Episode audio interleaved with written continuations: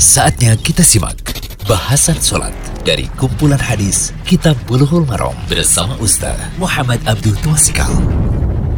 Alhamdulillahirrahmanirrahim Wassalatu wassalamu ala ashrafil anbiya wal mursalin Nabiina Muhammadin wa ala alihi wa sahbihi ajma'in Allahumma manfa'na bima alamtana wa alimna ma yanfa'una wa zidna ilma Kali ini kita berada di audio ke-135 dari pembahasan Bulughul Maram Kitab Salat tentang salat bagi orang sakit. Pembahasan ini penting sekali.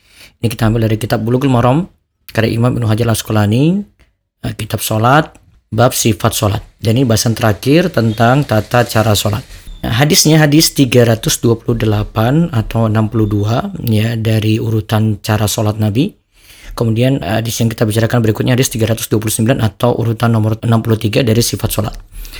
Hadisnya dari Imran bin Husain radhiyallahu anhu maqal qala lin sallallahu alaihi wasallam shalli qa'iman fa illam tastati fa qa'idan fa illam tastati fa ala jambin. Rawahu al-Bukhari. Dari Imran bin Husain radhiyallahu anhu ia berkata bahwa Nabi sallallahu alaihi wasallam bersabda kepadaku, "Salatlah dengan berdiri. Jika tidak mampu, salatlah dalam keadaan duduk. Jika tidak mampu, salatlah dalam keadaan berbaring." Jika tidak mampu, sholatlah dengan isyarat. Ini hadis riwayat Bukhari ya. Faedah hadis. Hadis ini menunjukkan yang pertama, mengenai tata cara sholat bagi orang sakit di mana ada tiga keadaan. Tadi berdiri, kalau tidak mampu duduk, kalau tidak mampu dengan berbaring, baru nanti dengan isyarat ya. Secara umum itu tiga keadaan.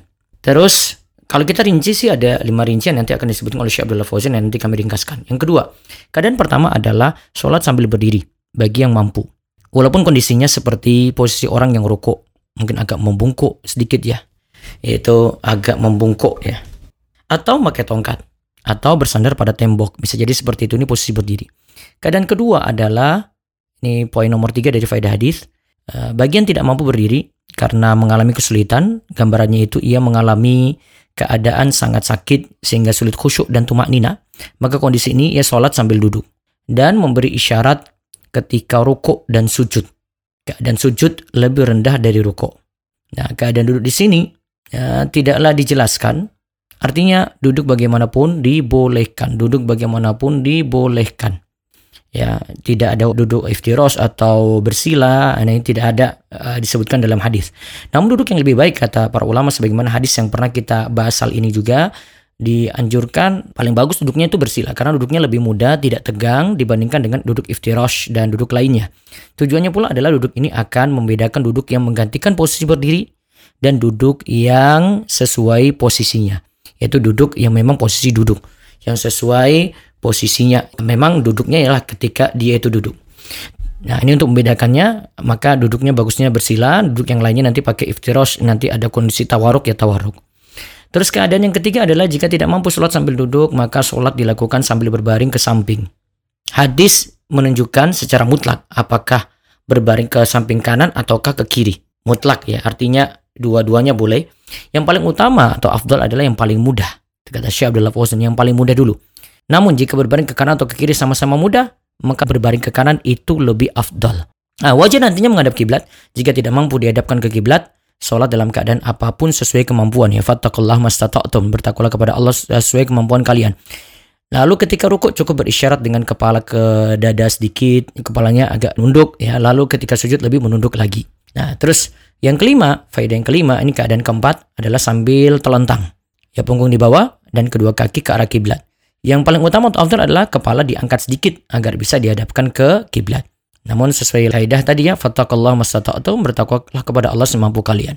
Kemudian keenam, ini keadaan kelima adalah jika tidak mampu berisyarat dengan kepala, maka ada yang membolehkan berisyarat dengan mata.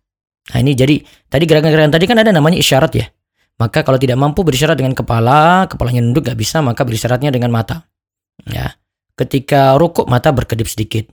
Setelah mengucapkan sami Allahu liman hamidah, mata kembali dibuka. Nah, ketika sujud lebih dikedipkan lagi. Nah, Syekh Abdullah Fauzan menyatakan bahwa hadis tentang hal ini dhaif. Terus ada pendapat kedua, jika memang tidak bisa bersyarat dengan kepala, maka menjadi gugur padanya. Yaitu isyarat tadi itu menjadi gugur. Di sini bukan maksudnya sholatnya jadi gugur, tidak. Tapi dia tetap sholat, tapi keadaan yang tadi isyarat, ya ya sudah jadi gugur sesuai kemampuan dia saja. Dan ini yang jadi pendapat juga dari Syekhul Islam Taimiyah. Beliau katakan, kauli yang pendapat yang kita lihat dari dalil, kalau isyarat dengan mata, ya kedipan mata tadi, ini bukan amalan sholat. Ini tidak bisa membedakan ruku dan sujud juga. Dan juga posisi berdiri dan duduk. Bahkan kalau kita mau katakan kata Syekhul Islam Ibnu ini seperti kondisi main-main. Adapun syarat dengan kepala, nah ini dengan cara dia menundukkan, uh, membungkukkan kepalanya, membungkukkan. Nah, ini masih merupakan bagian dari sholat. Jadi kalau tidak dengan kepala ya, ya tidak bisa digantikan dengan kedipan mata.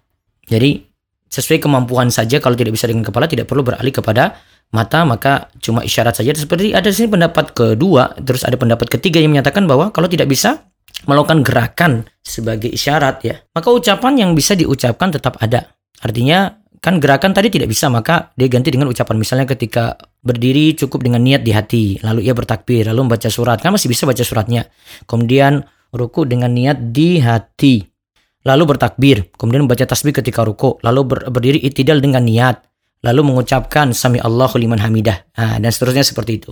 Adapun yang mengatakan bahwa isyarat ya isyarat itu dengan jari, nah, isyaratnya itu dengan jari tidaklah ada dalil yang menunjukkan hal ini. Allahu a'lam. Kemudian hadis berikutnya hadis 329 dari Jabir radhiyallahu anhu, anna Nabi sallallahu alaihi wasallam qala lima ridin shala ala wisadatin farama biha wa qala shalli ala al-ardi in istata'ta wa illa fa'aumi ima'an waj'al sujudaka akhfadha min ruku'ika. Rawahul Baihaqi bisanadin qawiyyin walakin sahha Abu Hatim waqfahu. Dari Jabir radhiyallahu anhu Nabi SAW bersabda kepada seorang yang sakit yang sholat di atas bantal. Lantas beliau melempar bantal dan bersabda, sholatlah di atas tanah. Bila engkau mampu. Jika tidak, pakailah isyarat. Dan jadikan isyarat sujudmu lebih rendah dari isyarat rukukmu. Hadis riwayat Al-Baihaqi dengan sanad yang kuat.